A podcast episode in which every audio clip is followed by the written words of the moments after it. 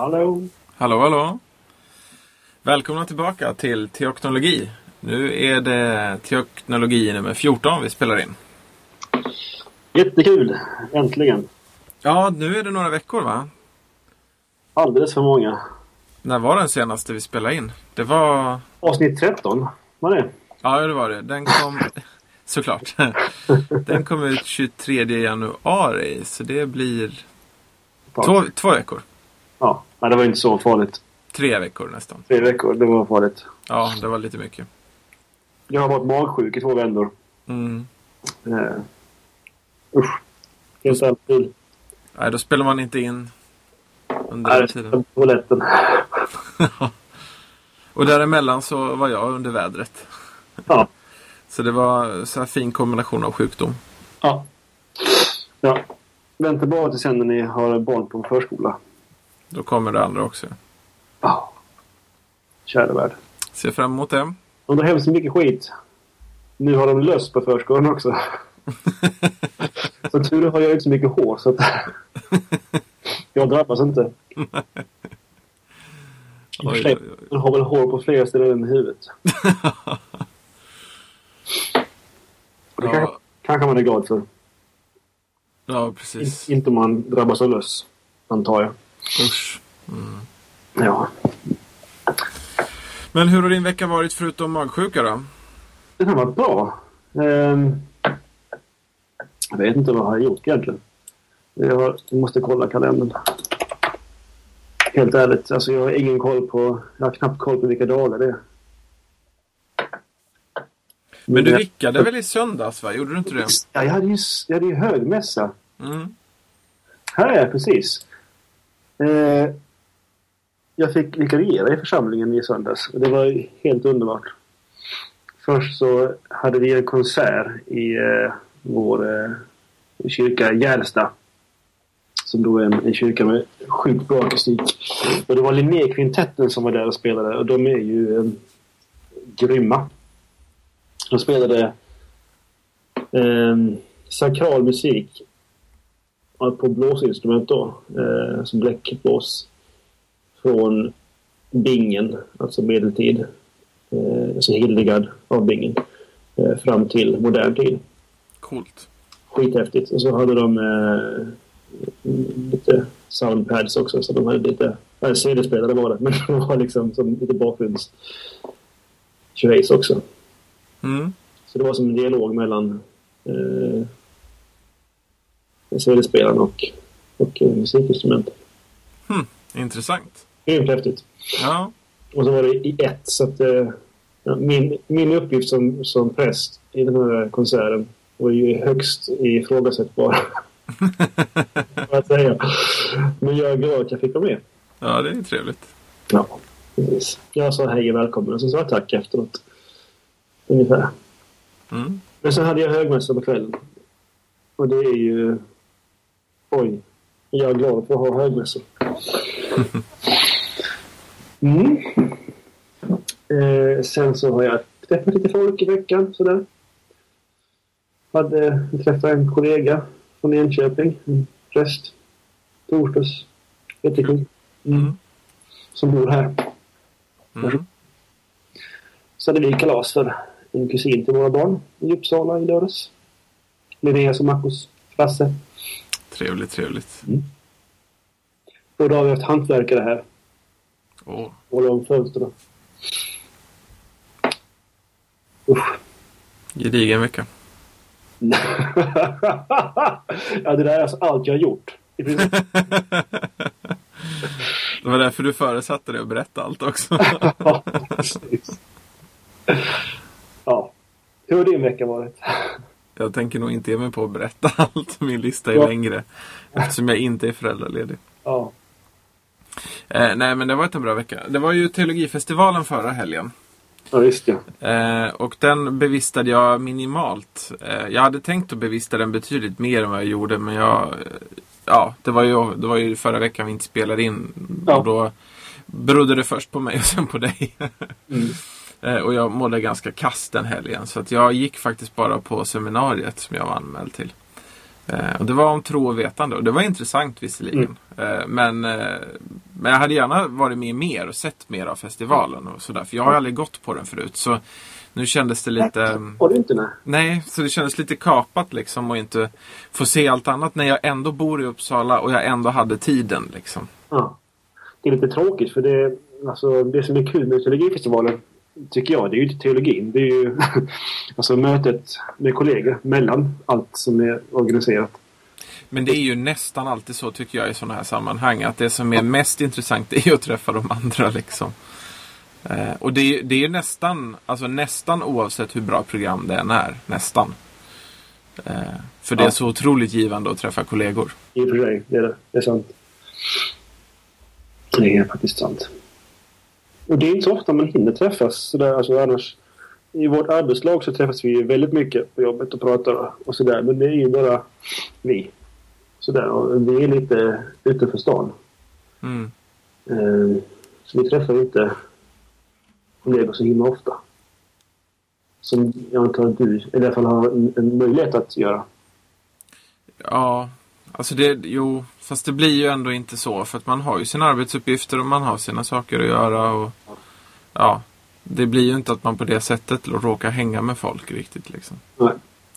Så, eh, nej, det blir inte så det, alltså jag ser ju att du går ut mycket mer saker än vad jag gör. Alltså sånt som är organiserat av stiftet och, och sådär. Mm. Det är sidor du checkar in på saker. På Facebook. Eller vad det nu är du checkar in. Ja, jag checkar in ibland. Det är oftast när jag gör något sånt som jag Ja. checkar in. Då ser jag att du gör mycket mer sånt där än vad jag gör. ja. Sen är frågan om det beror på att jag eh, borde ha försökt ro eller på att jag är lat. Eller att jag är pappaledig i och för sig. Just nu i alla fall. Det spelar nog in lite grann. ja, det finns ju andra, avse- andra saker också i det hela som spelar in kanske. Varför man väljer att göra vissa saker och inte andra. Så det- Jag ska på komdagarna i år i alla fall. Jaha, spännande. Mm. Det Det är kommun- kommunikationsdagar i Svenska kyrkan. Precis. Ja. Har vi fått någon feedback sen sist? Har Nej. inte fått va? Nej. Nej. Nej, men då, då kan vi ju strunta i att prata om den. Jag har fått muntlig feedback av någon. ja, vad kul. Men eh, jag kommer inte ihåg vem det var. Det kan ha varit någon släkting. Jag fick lite muntlig feedback av en av våra lyssnare som har hört av sig förut. Han konstaterade glatt att vi eh, brände igenom 60 tv-serier sist men att han inte hade orkat lyssna igenom alla. Det är patetiskt. Det är så våra lyssnare är. Det är lika bra att lägga ner. Om man inte lyssnar igenom hela på normal hastighet. Och... Jag kan säga så här. Jag lyssnade på ungefär 10 minuter av det här avsnittet. Så stängde jag av. För jag visste ju vad vi skulle säga. Ja, Och sådär. ja precis. precis. Ja, nej men det, det, var, det är spännande faktiskt att nörda iväg på det sätt som vi gjorde där. Och har, har ni som lyssnare åsikter på det så får ni gärna säga ifrån. För det är faktiskt intressant att höra om det där var positivt mottaget eller motsatsen. Liksom. Ja. Om det där var liksom få in lite frisk luft. Eller om det var precis tvärtom. ja. liksom. Det är intressant. Har vi någon, någon follow-up från det avsnittet? Eller har du? Jag har uppenbarligen. Men har du någon? Inte spontant. Nej. Nej, det har jag inte. Jag såg eh, premiäravsnittet av en ny tv-serie häromdagen. Eh, The River. Ribber. Eh, River, som är River. på engelska. Ja, ja. Mm. Jag ska ta och hitta länk till dig. Där. Eh, oj, den hade fått dåligt betyg. 6,9. Det kan vara bra ändå. Ja, det var bra. Det är ett dubbelavsnitt som är premiäravsnittet. Ehm, lite... Ja, vad ska man säga? Action Horror Thriller står det. här. Ja, det är lite Lost. Eh, Det är lite... Kanske lite åt Fringe-hållet fast inte eh, sådär officiellt FBI-aktigt. Men alltså lite åt X-Files och sådär. Eh, Helt klart sevärt. Mm. Jag. Får kollas upp. Yes. Du lägger in i shownoterna. Det är gjort. Ja. Det kan vi påpeka också, för det är en sån sak som jag, jag tror är bra att, att säga ibland. Är det så att, att eh, man som lyssnare eh, hör någonting som lät intressant och det lät som att det var kanske en länk eller någonting med i det, så, så finns det eh, oftast på vår webbsida i shownoterna. Man klickar till eh, avsnittet som man har lyssnat på eller lyssnar på. Och sen så, så ehm, och är det det som var senast nu, då väljer man här finns avsnittets länkar. Eh, och trycker man där, då får man hela listan med länkar som vi har lagt in för det vi pratat om. Till exempel då förra gången med, med alla tv-serierna. Vi, vi har länkat varenda en som vi nämner. det, det, det var många. Så många länkar brukar det inte vara. Nej. Nej. På tal om länkar. Mm. Har vi några länkar vi vill eh, dela med oss av? Ja, det, det tror jag vi har, eller hur? Ja, Då absolut. kör Jag, du först. jag kan köra först. Det var så här att i eftermiddags så... Eh, jag haft lite samtal om hur man konverterar media för att det ska kunna spelas upp på iPhone. Med en av mina eh, före detta konfirmander som nu är en av våra SKU-are. Svenska kyrkans ungdomar. Och då såg jag till äventyrs att eh, en annan av dem i den gruppen hade lagt upp en länk i den första Eskilstunas logg på Facebook. Och det var en, en länk till en, en video som är... Jag tror att det är en film som är gjord till en predikan. Alltså de har kombinerat, de har gjort en film som ska spelas i bakgrunden när då en predikant predikar. Och det är en, en, en liknelse kan man säga, en modern liknelse av Johannes 3.16. Det vill säga det bibelord som vi brukar kalla för lilla bibeln. Som då ska sammanfatta hela bibeln. Eh, och eh, mycket, väldigt, väldigt bra förklarat. Eh, det är en, en oerhört känslosam video och mycket bra predikan. Kort, en kvart kanske. Eh, den vill jag gärna att ni tittar på om ni känner för att gråta lite. Sen så länkade eller en av bloggarna jag följer eh, som skrivs av Scott Burkham. Eh, han skrev en artikel som heter Edison vs Tesla. Two approaches to problem solving. Och den tyckte jag var intressant för den tar upp två då sätt som två amerikanska, eller ja, åtminstone två uppfinnare som var verksamma i USA. Thomas Edison och Nikola Tesla. Deras två ganska skilda sätt att eh, lösa problem. Och han tar då, två exempel från något som Edison har sagt. Eh, han sa så här. Genius is 1% inspiration and 99% perspiration. Alltså det är 1% svett och 99% eh, nej, nej, 1% inspiration och 99% svett. Det vill säga att det är väldigt hårt arbete.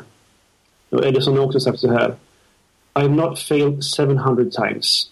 I have not failed once.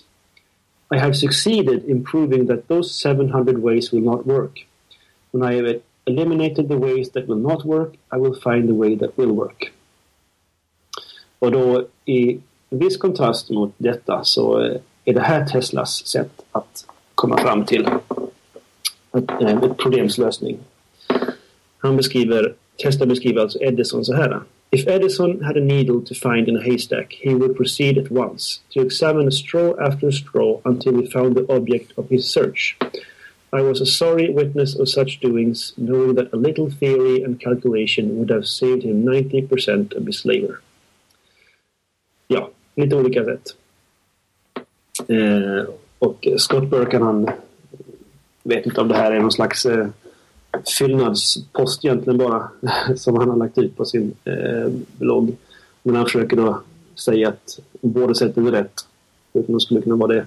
Men att det skulle vara de skulle göra en syntes av de här två. Men jag tyckte det var lite alltså, intressant just kontrasten mellan hur de såg på sin, eh, sin uppgift.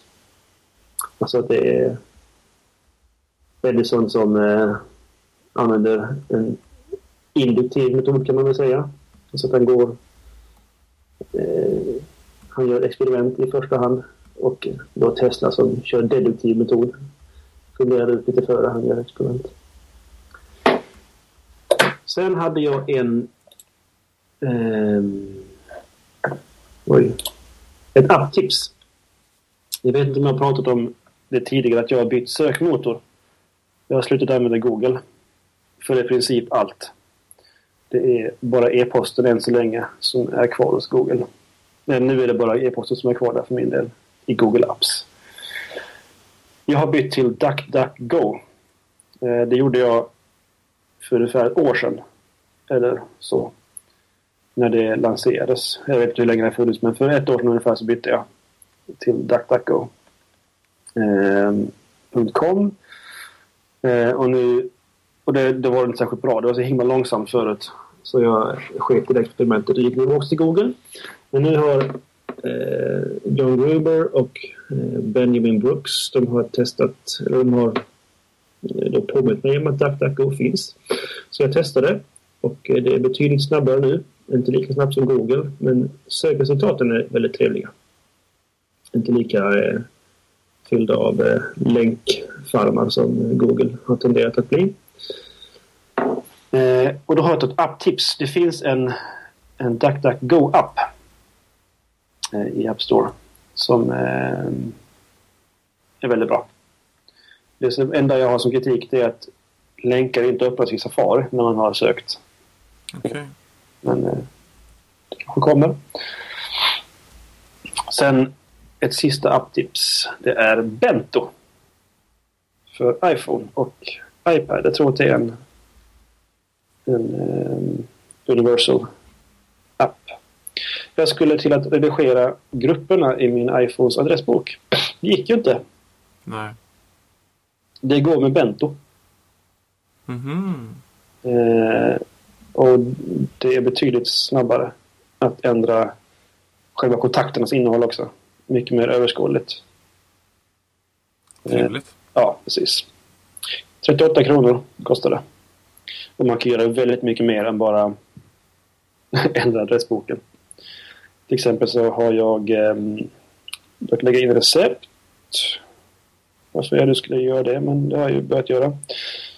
Eh, och sen har jag lagt in saker jag ska sälja. Eh, sådär. Blott. Listor? Ja, precis. Ja, precis. Det är i princip... Alltså det är en databasapp. Men eh, Jag köpte det för adressbokens skull. Men eh, den kan mycket mer. Intressant. Så det, det var mina länkar. Mm. Och jag ser att ditt första tips, det är sånt jag hade tänkt tipsa om förra gången som jag glömde. ja, då får jag det nu då. ja, då får du ha det nu. Eh, Launch Center är en app som jag inte har stött på förrän lite senare än sist faktiskt. Så hade du tipsat om det hade det varit nytt för mig. Eh, Launch Center, det är en app som man spontant, eller jag kände spontant att den kanske inte var så nödvändig. Eh, och du kan göra det i en app som du startar och i den appen kan du sedan starta andra appar. Till exempel. Men du kan göra mer saker med den än så och det är där det blir intressant. Förutom att du kan byta ut en eventuell ficklampsapp, för det har den inbyggd. eh, så kan du du kan um, um, göra andra saker. Du kan öppna Du kan till exempel öppna webbsidor. Uh, man kan, uh, alltså webbsidor som man har, uh, har lagt in innan här då. Så att det blir som bokmärken fast på ett snabbare sätt. Liksom. Ja. Man kan lägga in man kan vad heter det, lägga in att man ska tweeta eller lägga in någonting på Facebook eller mejla. Eller googla sitt um, vad heter det på svenska? Clipboard? Uh, urklipps, urklipp. Urklipp, ja. Precis. Eller att man ska speed dial någon. Alltså att man ja, snabbringer någon direkt därifrån. Då. Mm. Eh, så, så poängen med, med den här appen är ju att man ska att man ska komma åt saker lite snabbare. Och sen finns det då knep för att göra det här eh, ännu, ännu bättre. Liksom. Men jag har ju till exempel då lagt in för UL, upp, Upplands länstrafik då. Eh, de har ju en hemsida, www.ul.nu. Till skillnad från deras vanliga sida. Där man kan följa var bussarna befinner sig någonstans. Mm.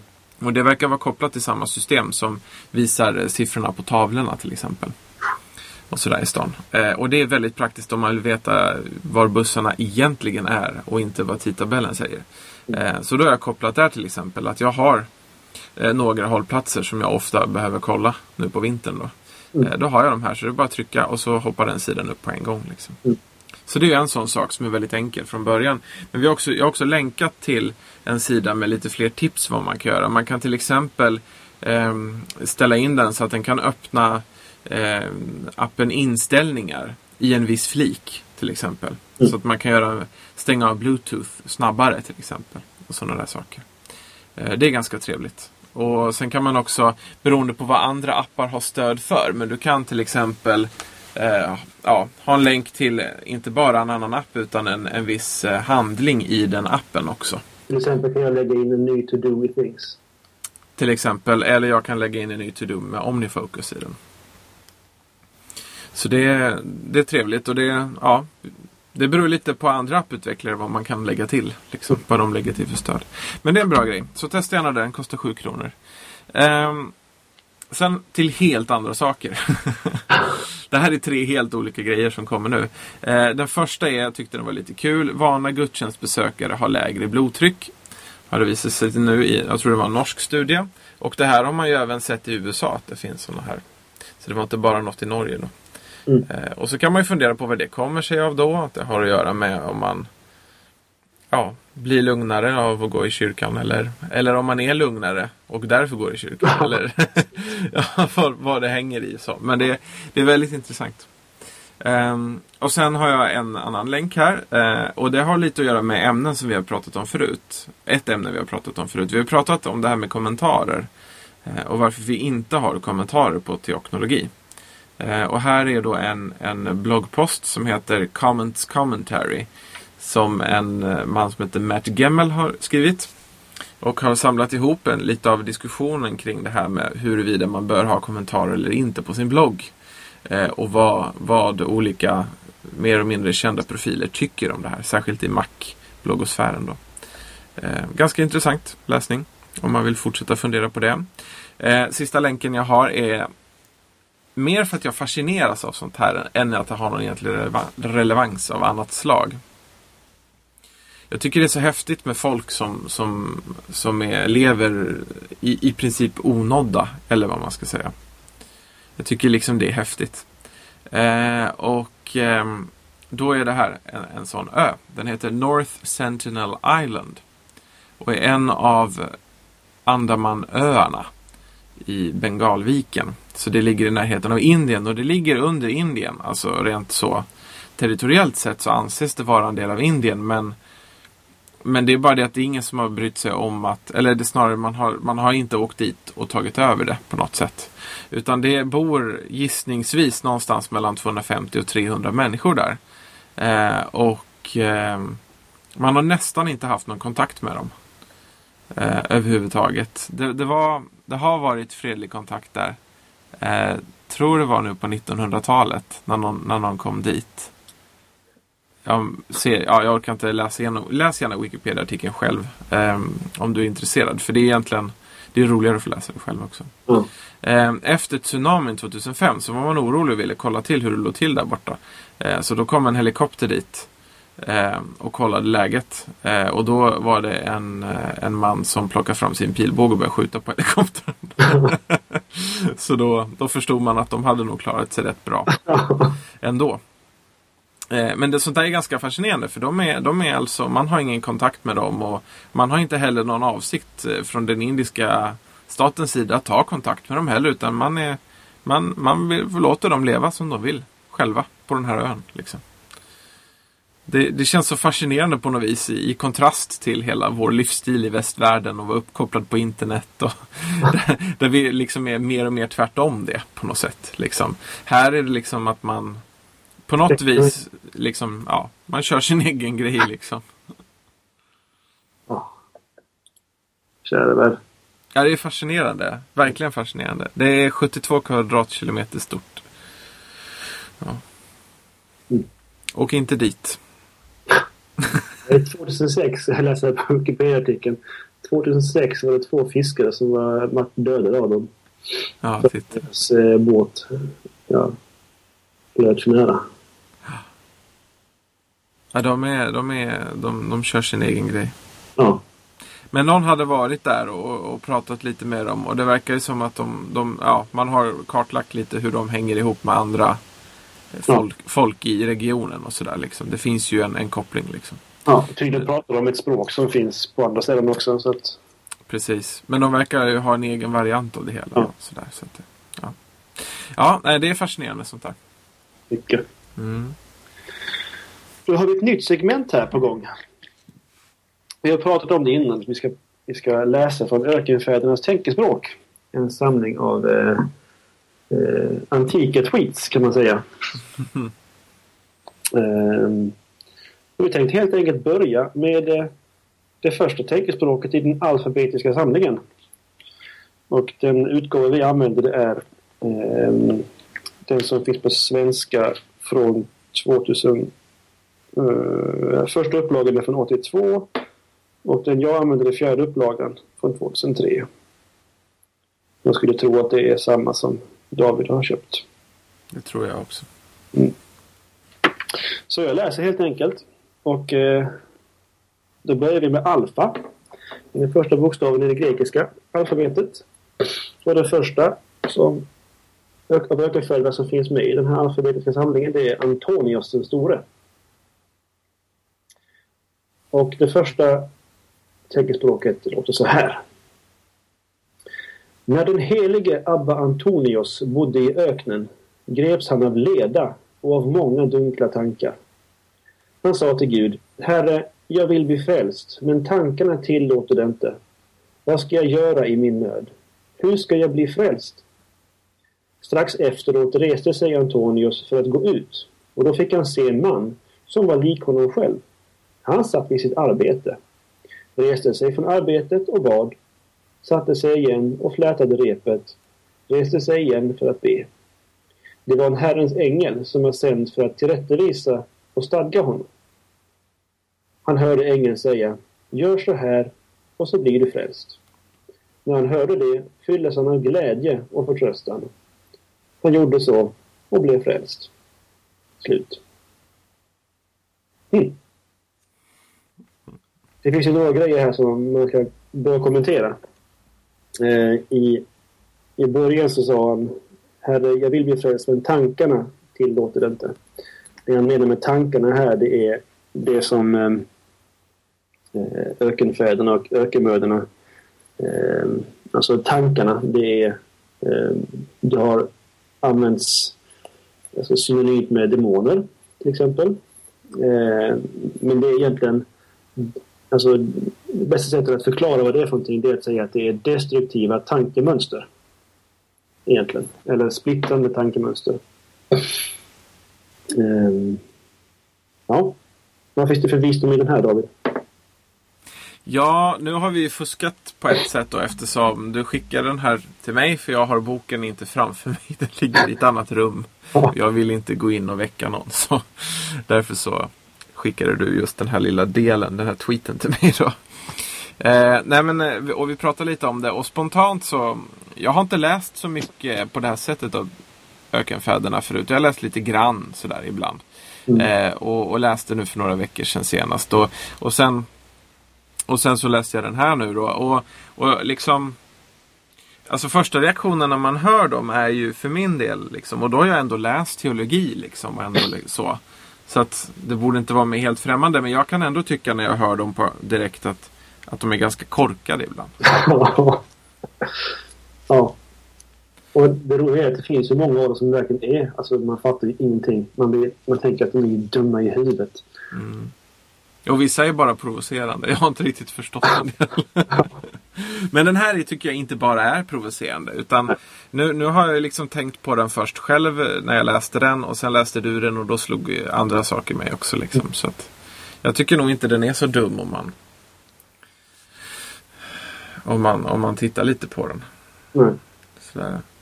Hur tänker du? Alltså jag, jag tycker det, det som fastnar för mig det är ju Alltså det här med eh, bed och arbeta. Lora ett... Äh, labora. Ora ett labora. År ett labora. Mm. Alltså att... att eh, att bönen och arbetet hänger ihop. Alltså att man inte kan skilja sitt kristenliv från sitt vardagsliv. Utan att de är båda en del av en helhet. Eh, att det handlar inte om att man ska gå på gudstjänst på söndagen. Ehm, och det är liksom okej.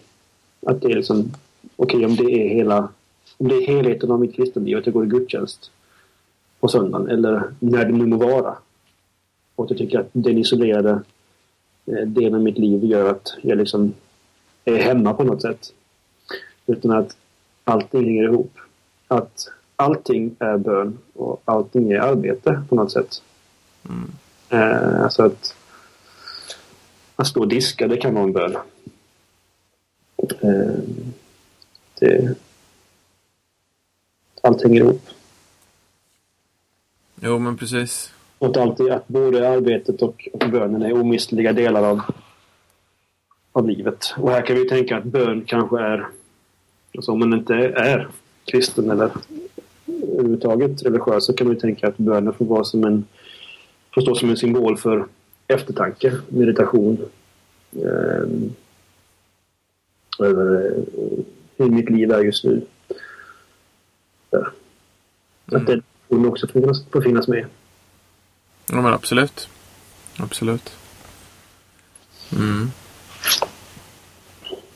Jag tänker också att det som är liten det är en liten påminnelse till den tendensen som finns ibland bland kristna och säkerligen Säkerligen kan man hitta den på andra sätt också. Alltså, eh, men, men i vissa kristna sammanhang så har jag ibland upplevt att man, man skiljer väldigt mycket på, på det andliga och det världsliga på något vis. Mm.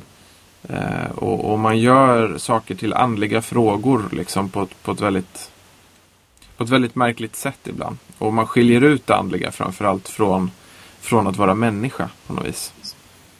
Eh, och, och, det här är en påminnelse om, att, tycker jag då, att, att det där hänger ihop. Liksom. Mm. Det man, eh, alltså den man är, det hänger ihop liksom med Eh, med tillhörigheten till Gud och vad, att, man, att man gör vettiga saker. Liksom. Mm. Så. Mm. Precis. Ja. tar vi nästa nästa vecka. Ja, det gör vi. Mm. Tack Antonius. Ja, tack. Det var givande tyckte jag. och så har vi ett, äh, ännu ett nytt segment som David kan få berätta om. Fast jag är inte riktigt säker. Det är du som har hittat på det. Det ser bra ut, men jag vet inte vad det är. Så du Mattias får gärna berätta vad det är för något. Samma sak som förut. Fast, eh, ja, jag vet inte. Jag kallar det för teknologis ordbok. Eh, vi använder väldigt många ord, tror jag, som eh, kan eh, köttas ut. Flashas out, som man säger. Alltså förklaras. eh, ja. det är ganska bra. Men... Eh,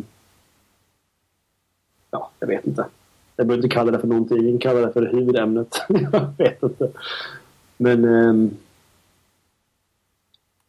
Eh, det jag hade tänkt prata om för tre veckor sedan, eller två veckor sedan, det var ju motivation. Mm. Um, det kan man ju attackera från många håll känns det som. Um, just motivation. Um, direkt när jag, när jag ser det där ordet. Vad tror du det första jag tänker på? Jag, jag ser det framför mig. Du, det var väldigt svårt. Motion? Nej. Skulle jag se motion? Nej. Sådana här, vet du, svarta eh, motivationstavlorna. Ja, sådana ja. ja. Med en bild och sen en, någon sjuk text under. Ja. Ja. Jag har ganska så... Alltså, den självhjälpslitteraturen som finns eh, har lite förstört det här uttrycket för mig nästan. Motivation. Mm, mm. Eh, så jag läste, jag läste på lite om, om teorier om, om motivation. Det finns ju rätt många olika. Eh, där. Dels då utifrån basala behov som jag jag hade en, en motivation före vi började spela in som var att eh, jag behövde evakuera kanalen. Så att jag gick på toaletten. Ja, precis. Och när jag är hungrig så går jag till kylskåpet och hämtar någonting att äta eller lagar någonting. Och så det finns både att det finns behov som behöver fyllas. Det är en motivation. Det är en motivation som man nästan inte behöver motivera, så att säga. Nej. Det är en sån självklarhet. Mm. Sen kan man ju tänka sig att alltså, det finns saker som motiverar sig själva på något sätt. Till exempel när jag eh, efter att min fru har gått och lagt sig slår på tvn och tittar på tittar på någon tv-serie eller på någon film eller någon dokumentär så är det motivation i sig själv att få göra det. Jag ser inte... Ja, kanske om jag ser en, en, eh, en dokumentär då så ser jag oftast inte följden av att jag ser på tv som någonting motiverande. Utan det är mest liksom aktiviteten i sig själv som motiverar. Men när jag går ut och springer ehm, så, ser ju, så det är ju inte själva springandet som motiverar mig utan det är det som följer av det. Det vill säga att jag har ett hjärta som håller i några år till. Ehm, Um, ja. Fast det är väl lite både och med sånt där va? Alltså jag menar Du kan ju ha andra motiv för att sätta dig och titta på tv-serier och dokumentärer. Absolut, men inte, inte jag är så trött som jag är nu. Nej. Men till exempel, om, jag, om jag till exempel för eh, den sommaren då jag prästvigdes, eller vi prästvigdes, då såg jag The OC. Hela den tv-serien på eh, så fyra säsonger eller vad det är. under två månaders tid.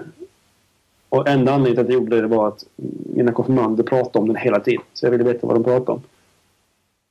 Eh, och det var inte att se tv-serien i sig som, som var liksom motivation. Utan det var ju att lära känna mina ungdomar bättre. Mm. Där. Just det. Ja, men det är väl intressant med motivation och motivation. Alltså på något vis tänker jag att det finns en stor skillnad mellan det du... Det finns en punkt när man börjar diskutera motivation för någonting. Och då är det ju oftast på grund av att den brister. Mm. Eller hur? Eller, eller alltså om man tänker på sig själv. Eller så tänker nog jag. Alltså jag diskuterar ju inte så mycket motivation kring Ja Gå på toa, borsta tänderna. Jag behöver inte motivera. Alltså så, jag är ju motiverad att gå och lägga mig när jag är trött. Verkligen.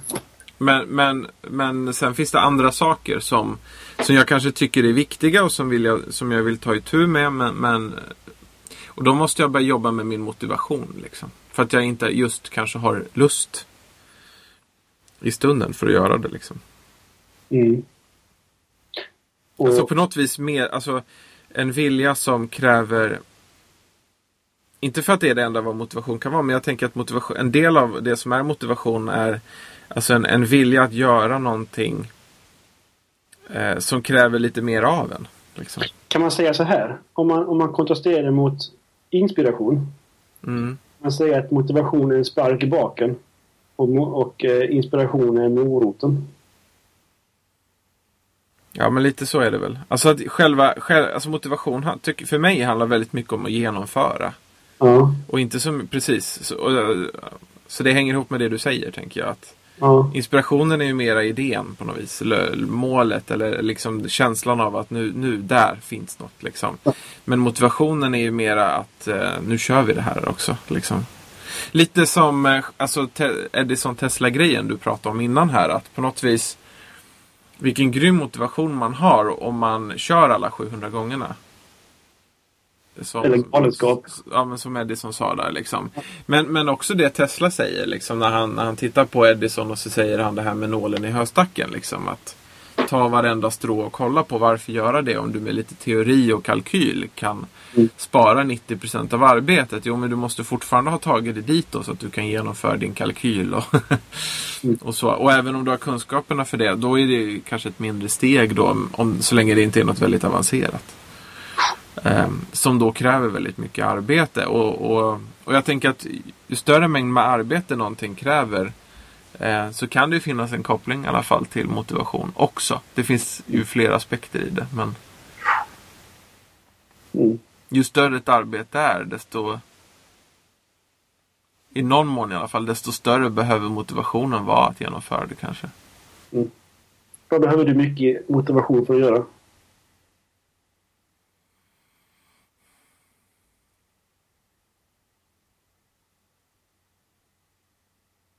Alla de sakerna som är viktiga i mitt liv behöver jag ju motivation för att göra i någon mån. Alltså sånt som behöver skötas, ansvar som spelar roll. Liksom. Därför det är ju på något vis ständigt växande uppgifter också. Mm. I sig självt liksom. Jag tänker i relationen till exempel. Det handlar ju väldigt mycket om att, att, eh, att på något vis, sen är det kanske svårare ibland än andra gånger liksom. Men, men ändå handlar det ändå om att jobba med sin egen, alltså att man är motiverad att, att liksom göra rätt. Mm. Fast man är trött, man kanske är sliten, eh, mår inte 100% bra. Men det finns fortfarande ett val att göra liksom. I hur jag agerar. Till exempel. Mm. Och det är ju också i arbetet. Alltså till exempel det som kan vara samtidigt både mest inspirerande men som också kräver mest eh, motivation. Det handlar ju ofta om, om predikningar och undervisning och sådana saker. Sånt som jag tycker är sjukt kul att jobba med men samtidigt är eh, kan, alltså att jag, jag behöver också jobba med mig själv medvetet för att för att sätta mig ner och genomföra det så som jag skulle vilja. Liksom. Mm. Hur tänker du? Jag vet inte riktigt. Jag, ty jag tycker det är alltså, svårt att prata om motivation och inspiration och... Hur det, på, det handlar ju om prioriteringar Ja, på något sätt. Det är, I grunden, är någonting viktigt så gör du det. japp. Ehm, och jag vet inte om, om motivation egentligen är liksom relevant. Och, jag vet inte om det är relevant att prata om överhuvudtaget. För vad som uppenbarligen är viktigt för dig, det är det du får gjort på något sätt. Jag menar, när din dotter vaknar mitt i natten och du behöver gå på toa. Det är liksom ingen... Eller du får, du säger hon vaknar mitt i natten och du känner för att tweeta. Åh, hon vaknar igen. Det är liksom... Du går ju upp, du, du tar ju henne. Mm. Eh, Det är det som är viktigt. Så det är någon, det är någon slags... Det är, alltså motivation och inspiration är någon, någon, något slags spel mellan prioriteringar och eh, alltså, basala eh, medfödda instinkter på något sätt. Eh, Jag tror också i, i relation till den man har format sig själv med värderingar och, mm. och sådär. Alltså jag, jag håller nog med dig delvis men jag tänker just lite som jag sa i början att motivation, att prata om det på det här sättet handlar ju delvis om när man upptäcker, ja, när jag upptäcker att någonting är viktigt för mig men jag har brustit i det. Jag har inte genomfört det som jag ville, Ja. till exempel. Det, det var lite det jag menade med när jag kontrasterade motivation och inspiration. Som att motivationen är en spark i baken och inspirationen är en morot. Alltså de rör sig åt samma håll men de har olika ors- orsaker på något sätt. Alltså vi rör åt, åt samma håll på grund av både motivationen och inspirationen. Det är, alltså det är samma rörelse men av olika anledningar. Mm. Inspirationen är för att vi vill någonting. Motivationen är för att någonting i oss säger att vi inte vill det. Förstår du? Mm. Alltså att motivationen krävs av en anledning. Ja men det är precis så. Precis. Det finns ett inre motstånd liksom. Ja, precis. Ja.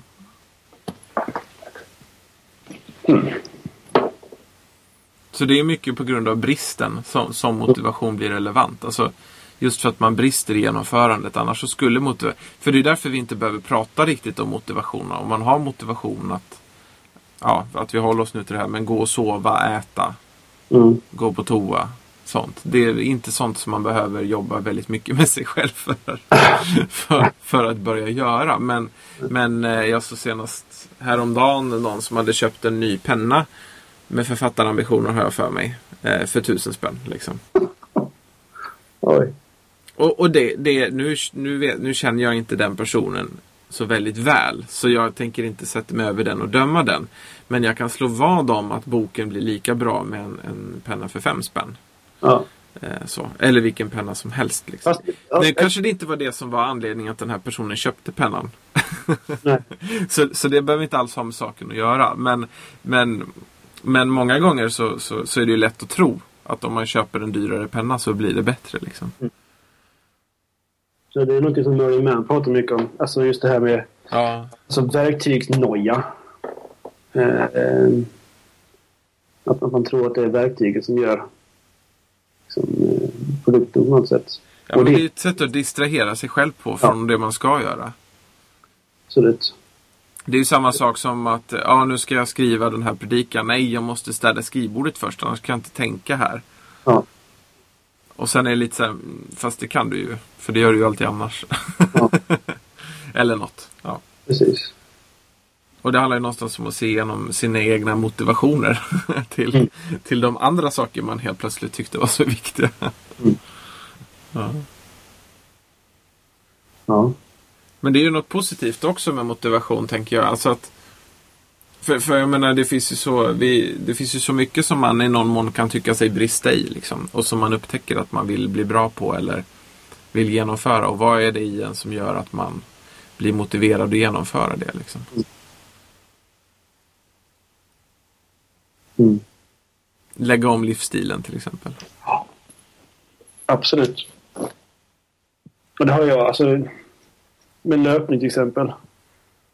Jag har ju märkt nu under, alltså under hösten att jag inte har mått bra. Alltså rent fysiskt. För att jag har rört på mig på tok för lite. Jag har gått liksom till ICA, till förskolan och till kyrkstugan där jag jobbar då. För där har vi kyrkis på tisdag och onsdag. Ungefär så mycket jag har gått. Eller rört på mig. Förutom att jag har sprungit efter barnen hemma. nu när Nisse har börjat gå. Woho! ja, det gjorde han i, i eh, oktober. så det är ganska länge sedan. Ja, det är Men- ingen nyhet då. Nej, men det går ju fortare och fortare. Um, alltså att ehm, jag, har inte mått, jag har inte mått bra rent fysiskt. Och det gör ju också att man inte mår bra psykiskt heller. Um, och det är min, min motivation har ju varit, alltså med att börja springa, eh, har ju varit att komma bort från ett tillstånd och komma till ett annat. Um, och, det är, och motivationen där det är att... Jag vet inte, det kan vara massor olika saker som motiverar. Dels då att inte må dåligt. Men sen kan det också vara att, att, eh, men att barnen ska få ha en pappa. Att jag ska dö i förtid. Det är massor olika saker som motiverar. Absolut. Plus då att man kanske vill börja tycka det är kul att springa. Och det gör jag nu. Jag tycker det är jättekul att springa. Det har jag aldrig tyckt förut. Men nu när man har övat varje vecka eh, regelbundet så...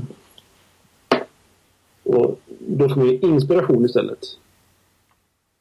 Av att det går bra. Mm, Och då börjar man tycka det är kul. just det.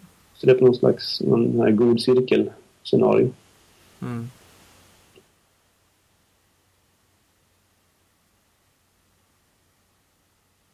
Precis, men det handlar väl på något vis om att Alltså tycker jag, och det är väl där, det är väl där som Det är väl där jag egentligen tycker det kan vara problematiskt med många sådana här saker som man ser och hör på TV eller läser någonstans om att man ska gaska upp sig, se sig själv i spegeln, le så blir du glad. Eh, den typen av motivation, alltså på något vis som ska komma av det snacket. Liksom, Mm. har jag ganska svårt för. Därför vad jag, vad jag nog vad jag nog tänker liksom lite djupare om det här handlar ju om att precis som ja, tidigare basala nämnda behov, tidigare nämnda basala behov, om att sova, gå på toa, äta och sådär. Så man behöver inte jobba upp sig för det. Liksom. Eh, och, och, samma sak tänker jag egentligen att det gäller med annat. Det, alltså, utan det handlar ju om att man är fel. mm. På något sätt. Alltså att, att det handlar om mina värderingar. Det handlar om mitt synsätt liksom. Och, ja. på något vis. Kan, kan det vara så då? Förlåt att jag avbryter. Men kan det inte vara så att man har fel inställning? Man har en dålig inställning. Att, att man värderar situationer fel. Jo, men det tycker jag. Absolut. Absolut. Och därför behöver man alltså förändra sitt tänkande, sin inställning. Ja, det kan ju handla om två plan, fast inser jag nu. Alltså på något vis kan det ju handla om att man har att man har i grunden kanske rätt inställning. Men att man ändå har brustit i genomförandet. Liksom. Och då handlar det bara om att, att, att på något vis sätta fart. Eller hur? Ja.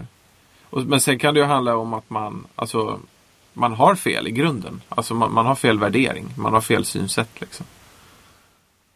Mm. Och då börjar förändringsarbetet inifrån. Ja.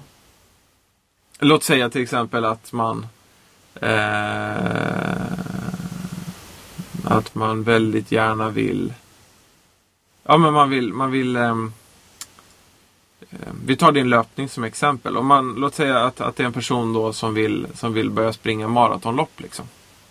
Mm. Ja, jag säger inte att det är du. men en person som vill springa maratonlopp. Ja. Eh, och sådär. Och vill bli väldigt vältränad då för att klara av det. Liksom. Men å andra sidan bär på ett Eh, och det gör vi nog alla i olika mån, men, men bär på ett självförakt som leder till att, man in, till att personen inte behandlar sig själv tillräckligt väl fysiskt. Till exempel genom att den då ja, äter mycket skit. Mm. Eller så. Vilket gör att, att träningen blir betydligt svårare än vad den skulle kunna vara till exempel. Alltså sådana där krafter har vi på något vis Alltså destruktiva krafter har vi ju på något vis i oss som mm. människor liksom. Det, det jag tänkte med var, alltså, jag kan ta ett exempel. Vi flyttade in i hus och sådär och det är ganska mycket med det. Och man måste liksom prioritera vad man eh, ska hinna under de korta perioder man faktiskt har tid att göra saker hemma. Och, eh, om man istället för att se på allt man man hunnit göra, faktiskt fått gjort, ser på det man inte har hunnit göra. Och därför blir alltså, får alltså, dåligt humör och man känner sig ännu tröttare än vad man faktiskt är. Um, och att man inte hinner göra någonting. Då, då tycker jag man har fel inställning. Alltså det, det är lite halvt glas, fullt glas frågan. Mm. Um, det är dumt att ha inställningen att vi har inte fått någonting gjort. Ja, det är ju inte sant. Nej. Men sen i kombination med alltså, att inte röra på sig, att inte få sova för att ungarna, eller ungen, är vaken på nätterna och så vidare. Det gör att det är svårt att uh, ha en positiv. Så allting är ihop. Ja, visst. Det gör det ju definitivt.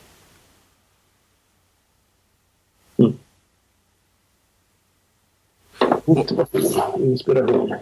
Och någonstans tänker jag att det handlar ju mycket om det att, att, att bemöta de här olika delarna för att nå fram med det man vill göra. Alltså motivationen måste på något vis vara en del liksom det, det är på något vis att, bemö, alltså att bemöta de svårigheter både som är mer av internt slag och de externa. Alltså de dunkla tankarna som kommer som kommer av för lite sömn är ju, de är ju interna men det externa är ju för lite, alltså är ju på något vis, ja du måste ju förhålla dig till att pojken inte låter dig sova liksom. Mm. Det, det, är inte så mycket du kan göra. Liksom. Nej, precis. Och så på något vis måste man hantera alla de sakerna liksom. För att, för att ändå komma ut och göra det man vill. Mm. För min del blev ju det med träningen att jag har börjat gå väldigt tidigt på morgonen. Liksom. Mm. För det är så jag får in det i min vardag. Liksom. Och jag trodde aldrig jag skulle klara av att gå upp tidigt på morgonen. Men, men sen så testade jag det ett tag och sen så gick det jättebra. Mm. Eh, och sådär. Och då, då är det på något vis också att testa och, och se hur det går. Och Mm. att, våga, att våga försöka liksom och, och ta itu med de små. Det är lite det vi pratar om med vanor. Det här med att göra en del i taget och knyta ihop det. Men jag tror, jag tror ändå när det gäller vad som helst som alltså, sånt man gör en gång också handlar ju om att bemöta varje steg på vägen för att ta sig hela Mm. hela vägen in i målet. Oavsett om det är ett projekt som handlar om att, att gå och handla eller om det handlar om att springa det där maratonet. Liksom.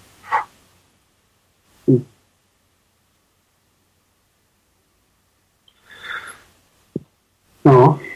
Ja, det är lurigt det där. Ja. ja, men det känns ändå viktigt att att liksom på något sätt kunna skärskåda vad som motiverar mig till saker. Alltså inte bara alltså, positiva saker utan det är även alltså det vi gör som är destruktivt för oss. Det är vi också motiverade att göra på något sätt. Absolut. Ja. Så att, att kunna skärskåda varför man får saker gjort. Så vad som faktiskt motiverar mig. Det är också någonting som kan ge mig färdigheter att analysera varför jag gör det som inte är bra för mig och varandra. Mm.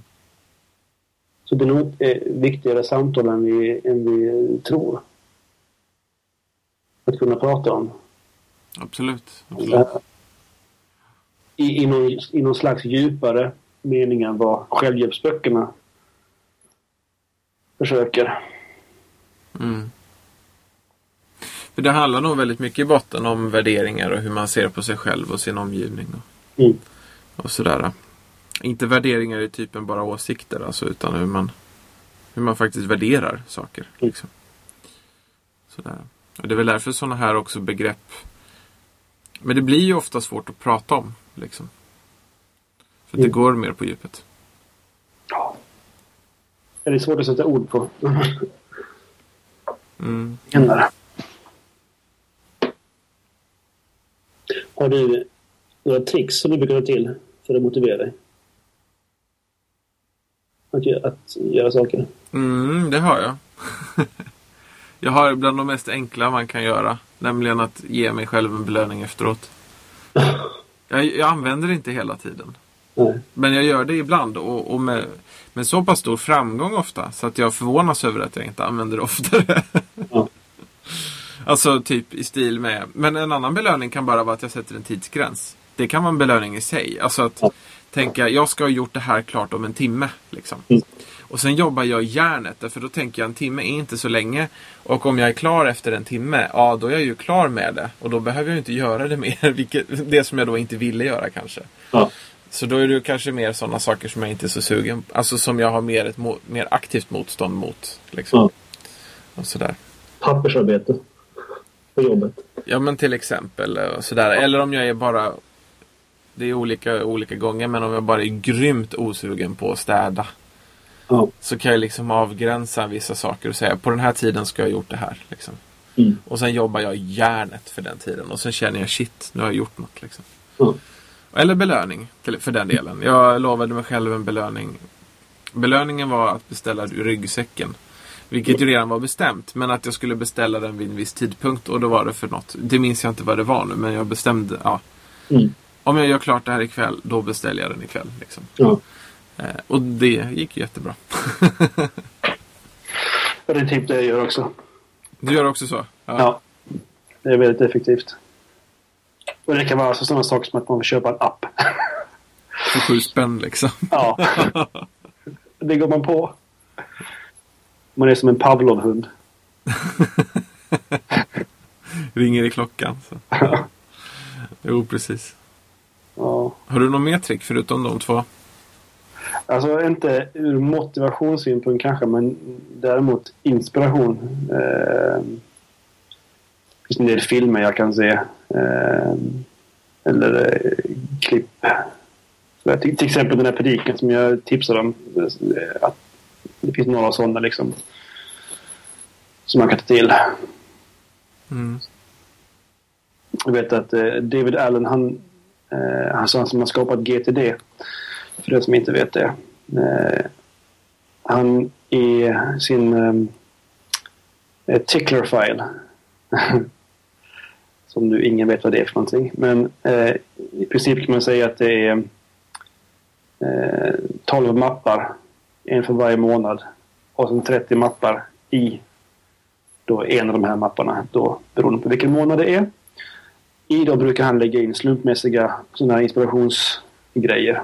Eh, och det är ungefär lite det. Alltså att jag eh, tar till sådana där eh, inspirationsgrejer liksom för att eh, ibland behöver man det helt enkelt. Det är smart. Och ofta är det typ alltså eh, till exempel eh, sportfilmer, alltså filmer spelfilmer som bygger på sportevent. Mm -hmm. Det är oerhört inspirerande. Um, Remember the Giants, uh, alltså den typen. Det finns några stycken som är... Alltså, underdog stories kan man säga i princip. Mm. Så, och biotexter såklart. Mm. Andra sådana citat. Det är inspirerande. Det... Ja, men det är inte motiverande på det sättet. Nej. Det är som, jag är inte så strukturerad i den typen av grejer. Utan det, det som för mig spelar mest roll har jag märkt. Det är faktiskt om jag bara tvingar mig själv till att börja skriva. Ja. Så, och sluta tänka på hur dåligt det blir. Ja. Utan bara köra. Liksom. Och sen när jag har kört och, och kanske inte står ut mer eller, eller känner att jag är för trött för att fortsätta. Eller jag ska göra något annat. Liksom. Så lämnar det och sen så är det inte så sällan jag kommer tillbaka och tittar på det och så ser jag vissa kvaliteter i det. Liksom. Och så ser jag, ja men det här går ju att bygga vidare på. Liksom. Och sen kanske jag stryker hälften men, men det var ändå någonting i den andra halvan som dög. Liksom. Mm. Eh, och då har jag ju redan gjort någonting. Liksom. Så för mig är det otroligt motiverande. Om jag redan har gjort någonting på det jag ska göra. Eh, så är det, det, det betyder mycket för mig. Eh, så att kan jag lura mig själv till att göra en del av arbetet på något sätt. Liksom. Mm. Så när jag står på noll, att få, alltså att få mig själv att komma till ett i alla fall. Liksom. Mm. Då, då har jag kommit långt. Shitty first draft. Ja, men lite så. Ja. Det är skitviktigt. Mm. Uh, jag hade ett tag i början på min pestkarriär där jag skrev predikningar i så ganska långt i förväg. Bara så typ ordsket. Det är lite för att ha börjat. Det är inte helt fel. Nej, det är ganska bra. Kanske man borde i, applicera på flera områden av sitt liv. Laga halvfabrikat hemma. Tre veckor i förväg. Just det. Kanske inte så smart. Nej. Men alltså det, har ju, det finns ju en poäng med det där. Um, Rob Bell, Mm. eh, pastorn i USA, eh, som nu inte är kvar i sin församling längre. Jag vet inte riktigt varför, men han skulle väl göra lite andra grejer. Ehm, han har hållit en föreläsningsserie som eh, jag inte minns vad den heter. Eh, Poets... Eh, Prophets and... Uh, jag, har, fått den av min svåger. Och jag har köpt den. Ja, han har köpt den. Till mig. Det är bra. Och. Eh, jag vet inte vad jag har den just nu. Men den är i alla fall en sån här film som, eller det är väl, väl värt att titta på. Eh, och som handlar om, här har jag den, nu ska vi se. Den heter Poets, Prophets and Preachers. Heter den. Just ja. Eh, och där är det någonstans, tror jag. Jag tror det är där han pratar om eh, att han, han gör sådär. Så när han, när han har sina predikningar, han vet ju liksom när han ska ha dem framöver. Eh, så försöker han liksom att, att skapa liksom ett utrymme för just den specifika predikan. Då så att han på förhand kan, kan kommer han på någonting som har med det att göra så slänger han in det. Liksom, Mm. Där. Eh, och sen så när det börjar närma sig då får man jobba mer med det. Liksom. Men, men att man långt på förhand redan slänger in lite det man kan. Liksom. Mm. Så gjorde jag faktiskt lite grann. Var det i våras kanske? Just med predikningar. Men ja. Det funkar inte riktigt för mig. Nej. Och sådär. Det finns en bok som heter The Creative Habit. Eh, skriven av Twyla Tharp. Hon är en eh, stor koreograf. Och hon har precis samma som, som Robell. Hon, eh, hon har, jag vet inte vad hon kallar det, men det är en, en låda helt enkelt. The box. Där hon ligger eh, in allt, alltså massa, massa grejer. Eh, brainstorma eh, ingredienser till en koreografi. Ehm, och eh, Merlin Mann har pratat lite om, eh, om det, jag vet inte om det är på ett av de första avsnitten av Back to Work. Okej. Okay.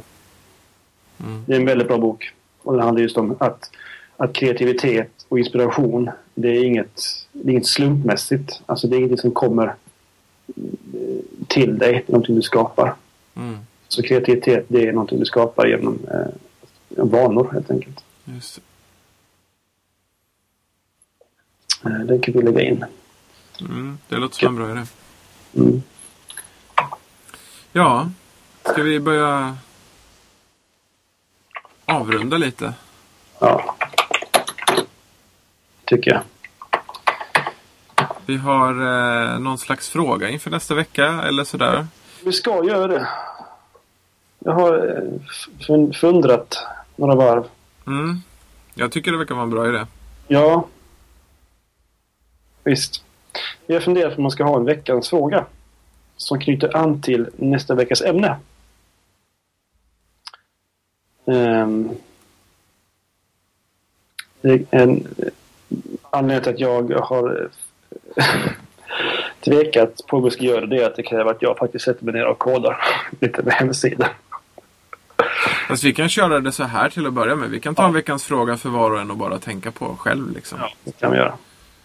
Eh, så, kan vi, så kan det få komma med sen. Mm. Ska vi avslöja nästa veckas eh, eh ordboksord? Ja, det tycker jag. Ja. Prokrastination. Mm. Och eh, frågan blir då. Brukar du om och om igen skjuta på saker du vet att du verkligen borde göra? Det är lite dumt att inte ha en öppen fråga. Men... Eh... I så fall vad? det, det, det, är ett litet tanke med att inte ha en öppen fråga här. Det är att man egentligen får se eh, hur många procent av våra lyssnare som är ärliga med sig själva. Alla gör det. Har vi 25 procent som säger nej så vet vi att vi har 25 procent av våra lyssnare som inte, antingen inte känner sig själva så bra så att de vet att de prokrastinerar. Eller 25 procent ljuger. Det där beror lite på hur man, hur man värderar frågan tänkte jag på när Precis, jag såg den också. hur man definierar prokrastination. Ja, och vad är om och om igen liksom? Ja. Och menar man då stora saker eller små saker? Eller, ja. ja det finns ju många sätt. Ja. Men det var väl en bra, en, ett bra ord och en bra fråga. För oss inför nästa vecka. Yes. Och med det så kanske vi ska tacka för oss. Tycker jag. Så hörs vi igen nästa vecka. Absolut. Hej då. Hej då.